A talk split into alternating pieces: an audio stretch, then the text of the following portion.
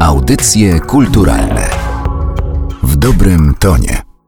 Efekty świetlne, złudzenia optyczne, pozorowany ruch i trójwymiarowość. Wybierając się na wystawę do siedziby Fundacji Stefana Gierowskiego w Warszawie, przygotujcie się na oczopląs. Do 20 grudnia możecie tam oglądać pracę polskich artystów zajmujących się opartem.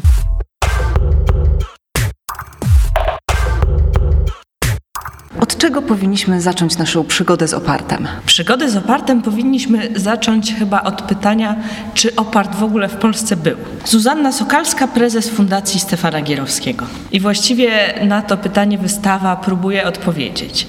Wiadomo, kiedy i gdzie opart się pojawił, i kiedy myślimy o tym nurcie, pewnie każdy z nas jest w stanie sobie wyobrazić jakieś prace, czy w ogóle jakiś wzór, który z opartem nam się kojarzy ale nie do końca wiemy, jacy polscy artyści tworzyli w tym nurcie.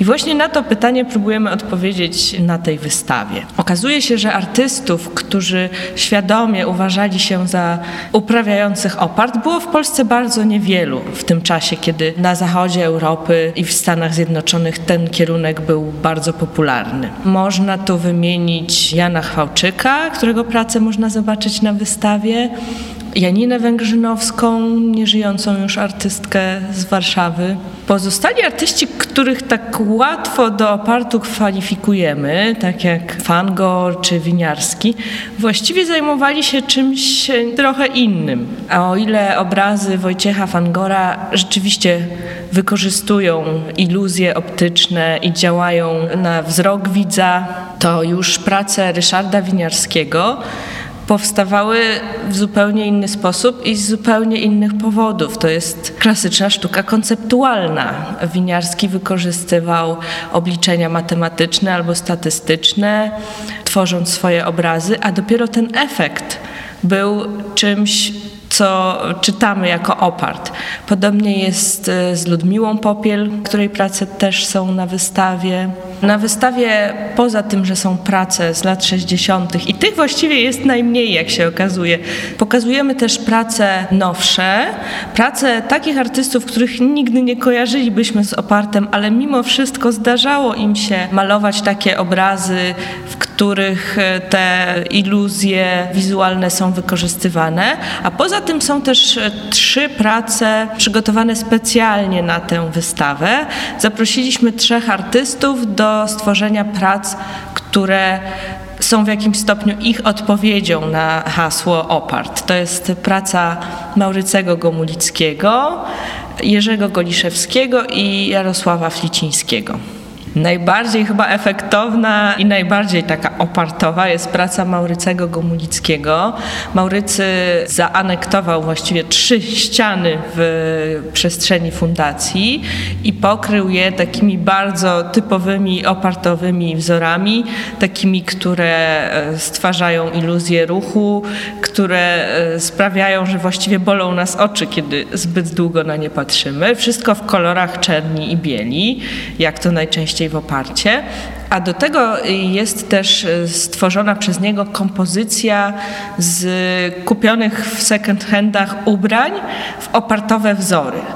To jest chyba kolejna bardzo ważna rzecz, czy bardzo charakterystyczna rzecz dotycząca opartu, bo jak żaden inny nurt, który pojawił się w sztuce XX wieku, przeniknął on do takiego codziennego życia. Do tej pory nosimy ubrania we wzory zaczerpnięte z opartu.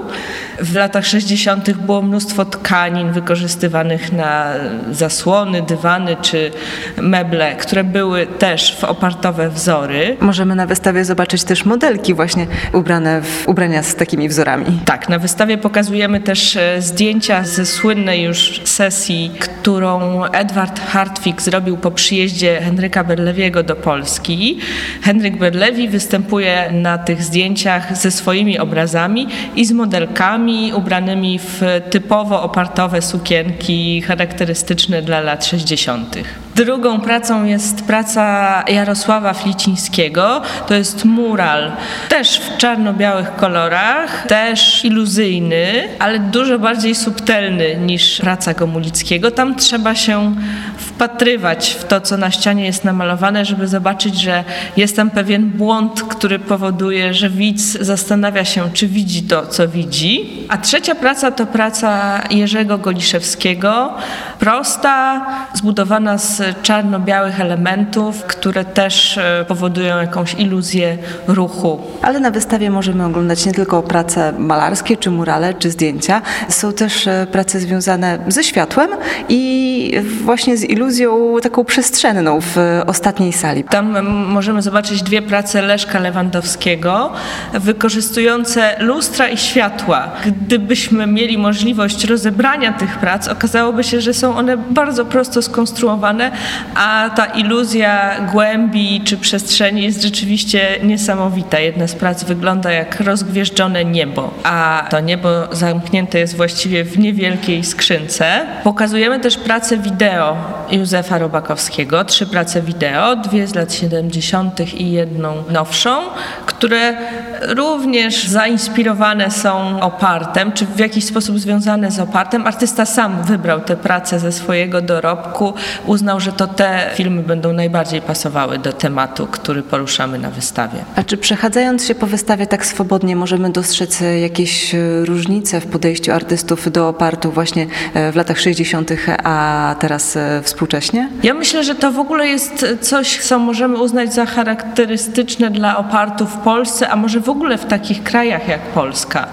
Wydaje mi się, że nie znajdziemy tu takiego opartu, jaki można było w tym czasie oglądać we Francji czy w Stanach Zjednoczonych.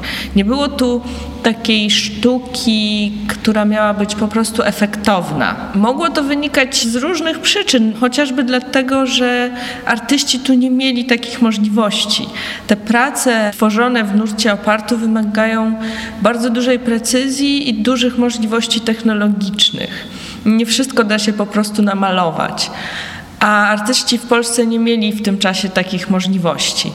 Więc to widać, że dużo więcej jest tu prac, w których opart nie jest celem, jest tylko jakimś narzędziem, którym artyści się posługują po to, żeby powiedzieć coś trochę innego. W tym czasie, kiedy opart e, powstawał właściwie wybuchał, bo to był taki nurt, który bardzo szybko się e, rozpowszechnił, na pewno odkrycia naukowców i na pewno te badania związane ze wzrokiem były dla artystów inspiracją. Przechadzając się e, po wystawie możemy poczuć się trochę no, zdezorientowani, kiedy będziemy e, z niej wychodzić. Myślę, że jeżeli tak jest, że prace rzeczywiście oszukują, to tylko sukces artystów. To znaczy, że udało im się osiągnąć to, co opart powinien robić. Ale myślę, że bardzo szybko można wrócić do normalnego świata, gdzie widzimy już to, co jest wokół nas, a przynajmniej tak nam się wydaje.